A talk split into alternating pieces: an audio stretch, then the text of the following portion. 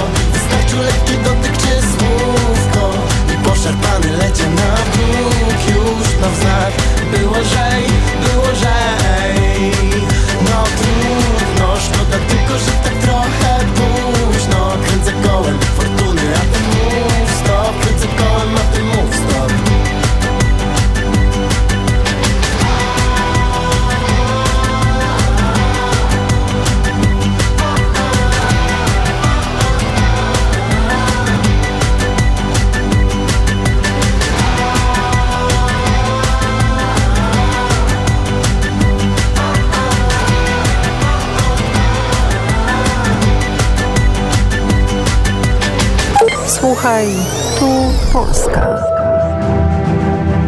Не воювати з більшовиками. Такі слова містилися у директиві головнокомандуючого польської армії після вторгнення совєтів 17 вересня 1939 року. Серед здивованих командирів польських частин тоді панувала дезорієнтація. Як потім з'ясувалося, з цим були пов'язані фатальні наслідки. Про вересневу кампанію, причини успіху совєтів і поразки поляків слухайте сьогодні в новому випуску Слухай ту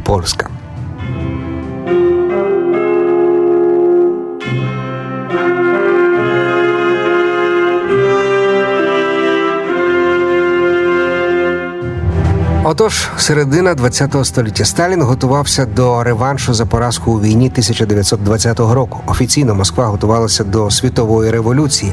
Неофіційно вже інтервенти в Іспанії довели, що світ можна випробовувати на міцність комуністичним чоботом і зброєю. Допомігши Гітлеру відродити армію в обхід санкцій, саме так через Росію Рейх отримував з союзу металургію, продукти, нафту.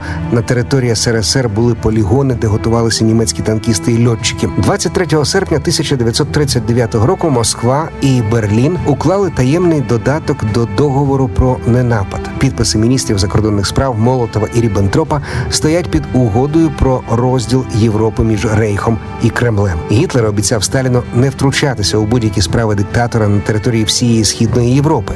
Західна Україна, Польща, Балтійські країни, Румунія їх долю віддали в руки росіян.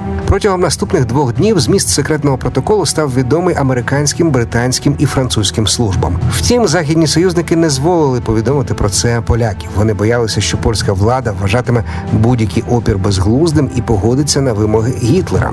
Вони навпаки хотіли виграти час, направивши перший німецький удар на схід.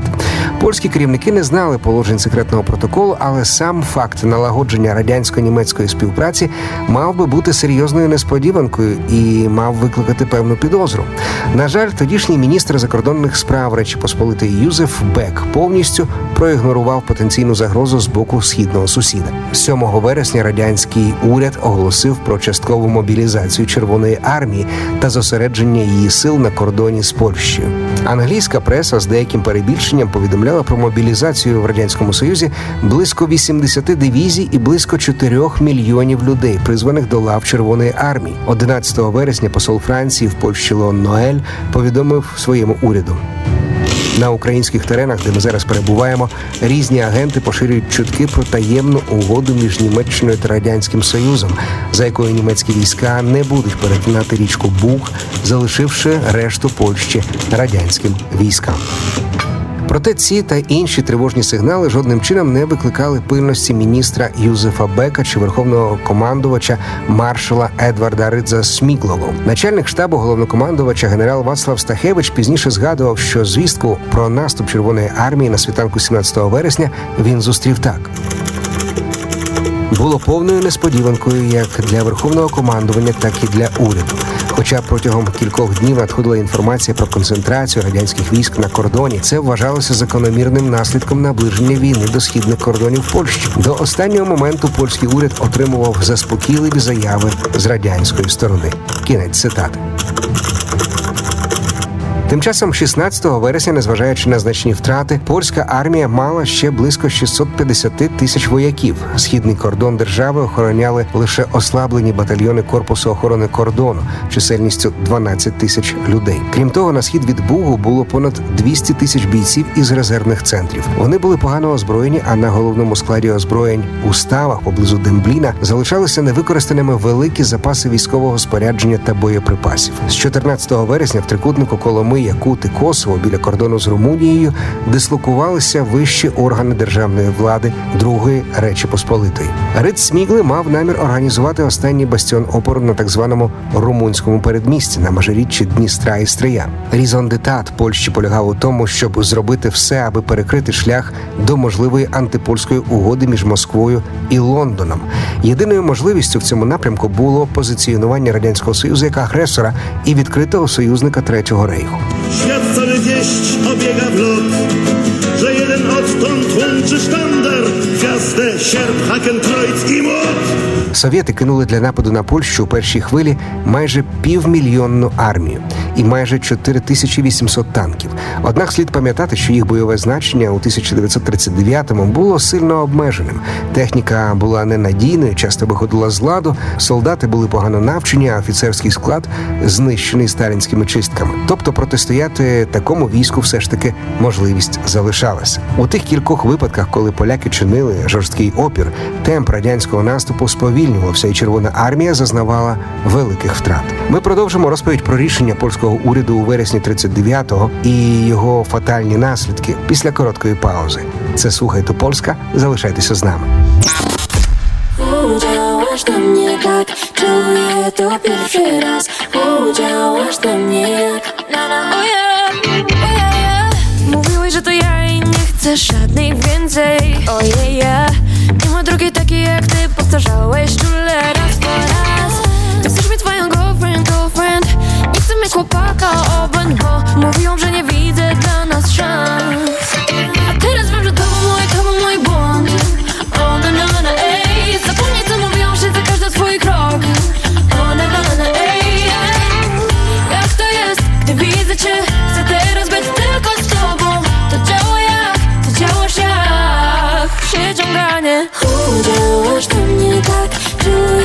To pierwszy raz Udziałasz na mnie jak O ja, przyciąganie Udziałasz na mnie tak Czuję to pierwszy raz Udziałasz na mnie jak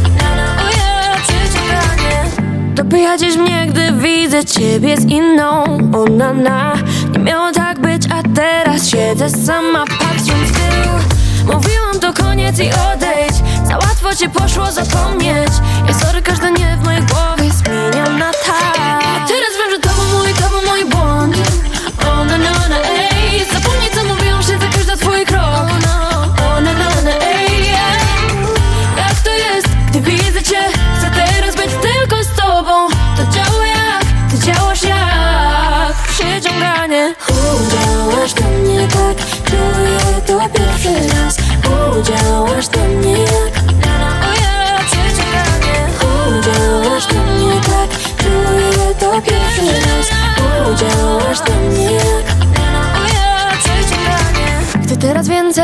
Teraz więcej Chcę teraz więcej, napadnę serce I Chcę więcej, moje serce. Moje serce. Oh yeah, yeah. Chcę teraz więcej, chcę teraz więcej Chcę teraz więcej, napadnę serce I Chcę więcej, moje serce. Przyciąganie. Udziałasz na mnie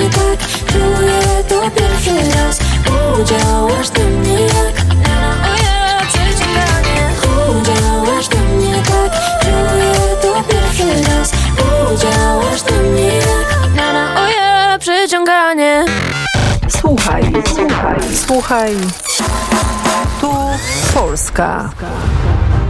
В рамках проекту Слухай ту Польська продовжуємо розповідь про вересневу кампанію і фатальні рішення польського уряду. Вранці 17 вересня верховний командувач і маршал Речі Посполитої Едвард Риц Шмігли хотів чинити сильний опір ворогу. Однак пізніше він засумнівався у сенсовності боротьби з совєтами. Він також майже цілий день вагався між тим, щоб залишатися в країні, відправитися в бойові загони чи евакуюватися за кордон. Нарешті, на підставі фальшивих повідомлень про прихід радянських військ до сусіднього Снятина, він вирішив разом з урядом і президентом виїжджати в еміграцію, перетнути румунський кордон, аби виїхати до Франції. Остаточна загальна директива, передана радіостанцією головкому ввечері 17 вересня, говорила: Совєти вторглись. Наказує загальний відхід до Румунії та Угорщини найкоротшими шляхами. Не воюйте з більшовиками, крім випадків нападу з їхнього боку або спроби роззброїти наші війська. Завдання Варшави і міст, які мали оборонятися від німців, незмінні. Міста, до яких наближаються більшовики, повинні домовлятися з ними про відхід гарнізонів. Ця директива Ридза Сміглого вносила плутанину та різноманітні можливості її тлумачення. Таке рішення ускладнило завдання командирам частин, які вступали в контакт із Червоною армією. Рекомендація вести переговори з більшовиками з перспективи сьогоднішнього дня виглядає взагалі абсурдною. Одним із правильних рішень, безсумнівно, було рішення командувача корпусу охорони кордону генерала Вільгельма Орліка Рюкемана, який вирішив чинити запеклий опір совєтам на кордоні біля Сарн. Потім, щоб не потрапити в оточення, він із своєю дев'ятитисячною групою відійшов через Полісся по дорозі, здійснивши переможний бій під Шацьком. 1 жовтня, після битви під Витичними, він розпустив свої війська, завдяки чому більшість його вояків уникла полону. Однак багато командирів спасували, здаючи свої війська без жодного пострілу або після короткочасного опору. Наприклад, у Тернополі кількатисячний гарнізон міста протягом 17 вересня не зміг організувати оборони і наступного дня без бою здався совєтам. Крайню наївність або зраду виявив начальник оборони Львова, бригадний генерал Владислав Лангнер, який у тій ситуації мав на вибір три варіанти: наприклад, або пробиватися до угорського кордону з військами, здатися німцям, або капітулювати перед Червоною армією. Згідно з директивою Ридза Сміглова, він розпочав переговори з радянською владою і 22 вересня уклав із совєтами угоду, за якою після складання зброї півтори тисячі польських офіцерів мали зберігати особисту свободу і право виїзду за кордон. Радянська влада, звичайно, цю угоду порушила. І майже всі офіцери зі Львова потрапили до таборів НКВД, а потім у ями смерті. Росіяни поставилися до Лангнера інакше і відпустили його до Румунії, звідки він попрямував на захід. Напередодні капітуляції Лангнер виступив проти пропозиції своїх підлеглих спробувати прорватися вночі на південь до Угорщини. Таким чином, добре озброєний 15-тисячний гарнізон Львова міг успішно це завдання виконати. У тих кількох випадках, коли поляки чинили жорсткий опір, темп радянського наступу сповільнювався, і Червона армія зазнавала великих втрат. Справді важко зрозуміти поведінку Ридза Шміглова та інших польських офіцерів, які брали участь у війні 1920 року і мали би знати, чого чекати від більшовиків. Крім того, вони напевно ж чули про чистки в радянському офіцерському корпусі, які тривали у 37-38 роках, про винищення польського населення в радянському союзі, зокрема на Поділлі, і розуміли, що з поляками у Сталіна буде rozmowa korotка na eszafocie. Długośmy na ten dzień czekali, z nadzieją niecierpliwą w duszy, kiedy bez słów towarzysz Stalin na mapie fajką strzałki ruszy. Krzyk jeden pomknął wzdłuż granicy i zanim zmilkł zagrzmiały działa, to w bój z szybkością nawałnicy Armia Czerwona wyruszała.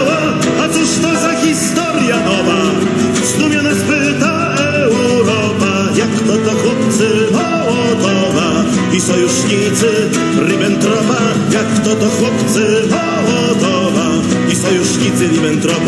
Евакуація польського уряду і залишків польського війська із західної України була дуже хаотичною. У польській історіографії точаться суперечки щодо того, чи Риц Шмігли мав рацію, втікши до Румунії, чи мав би залишатися в армії до кінця, навіть якщо б мав загинути. Навряд чи хтось звертає увагу на те, що головнокомандувач польського війська мав ще один обов'язок організувати евакуацію своїх солдатів до Румунії та Угорщини на основі оборони лінії Дністра. Тим часом маршал закликав відступати до кордону і взяв із собою війська з околиць Румунії, позбавивши тих, хто перебував у глибині країни, можливості дістатися до місця призначення. Згодом 40 тисячам польських вояків вдалося дістатися до Угорщини, а 30 тисячам до Румунії. На думку експерта вересневої кампанії історика Аполоніуша Завільського, більшість польських сил з Волині та Поділля можна було врятувати. Існувала реальна можливість організації більш тривалого опору на румунських околицях, виходячи із зручних для оборони умов місцевості та залізничного сполучення з Румунією. Ядром оборони могли стати найближчі підрозділи, загартована в боях 10-та моторизована кавалерійська бригада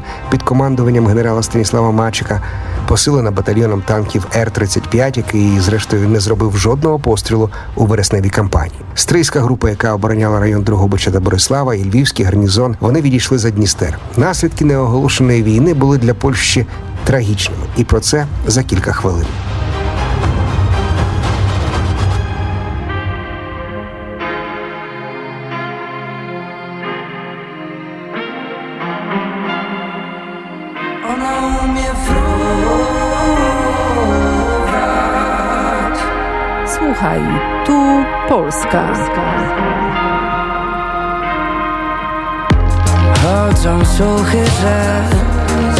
Raczej suchy rzęs Już nie miewasz. Twego czy dusi cię, twych uczuć dusiciel Twój czas by się zmywać. Młoda jest jako o, o Bo ona lubi tańczyć, ona lubi dogadywać się bez słów A jemu nie wystarczy, on bywa uparty i nie wie, że to już Poszło, to, że nie ty nie oznacza, że samotność Bo po ulicach dusze błądzą. Młoda bierze to na chłodno.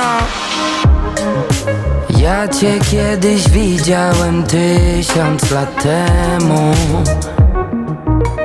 Ty mnie też, ale jemu o tym nie mów.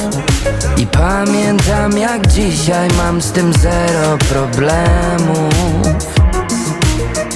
twój blask w jego cieniu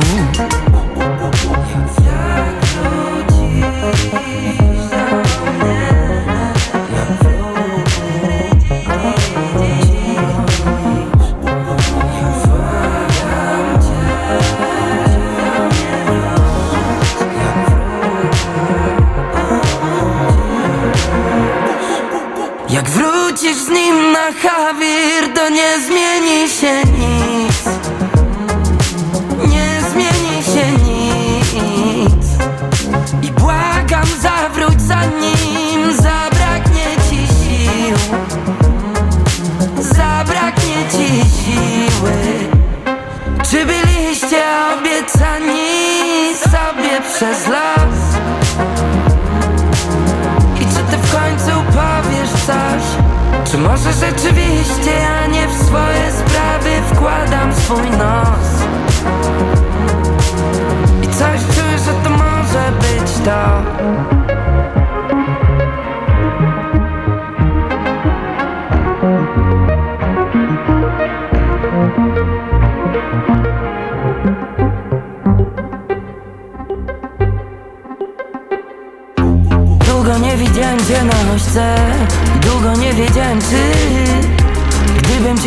zobaczył to bym podszedł Czy schował za czymś. Niezakochani czekają na wiosnę W nadziei, że ty Dasz znak, dasz dostęp Do tajemnic swych. Młoda jest jak o, Bo ona lubi tańczyć, ona lubi dogadywać się bez słów. A jemu nie wystarczy, on bywa uparty i nie wie, że to już soir.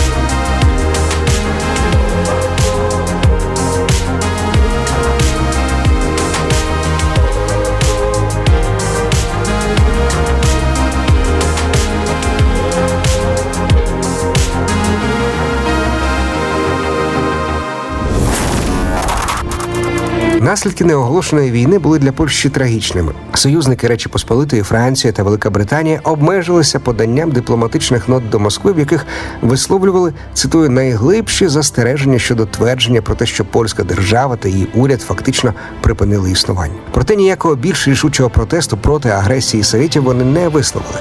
Такому ставленню сприяла відсутність з боку Антанти чіткої декларації польського уряду про стан війни із радянським союзом і надто швидка евакуація уряду і президента Речі Посполитої за кордон. 17 вересня жоден із членів польського уряду не ставив питання про чітке визначення стану війни між Польщею та радянським союзом з точки зору міжнародного права. У 1940 році в Катині та інших місцях страт радянська влада знищила понад 21 тисячу представників польської еліти. Багатьох із них могла врятувати адекватна обстановці позиція головнокомандувача військ Речі Посполитої Едварда Ридзасмігло, а також правильна організація оборони румунських околиць. З іншого боку, рішуча позиція державної влади проти радянської агресії могла позитивно вплинути на долю польської справи під час Другої світової війни.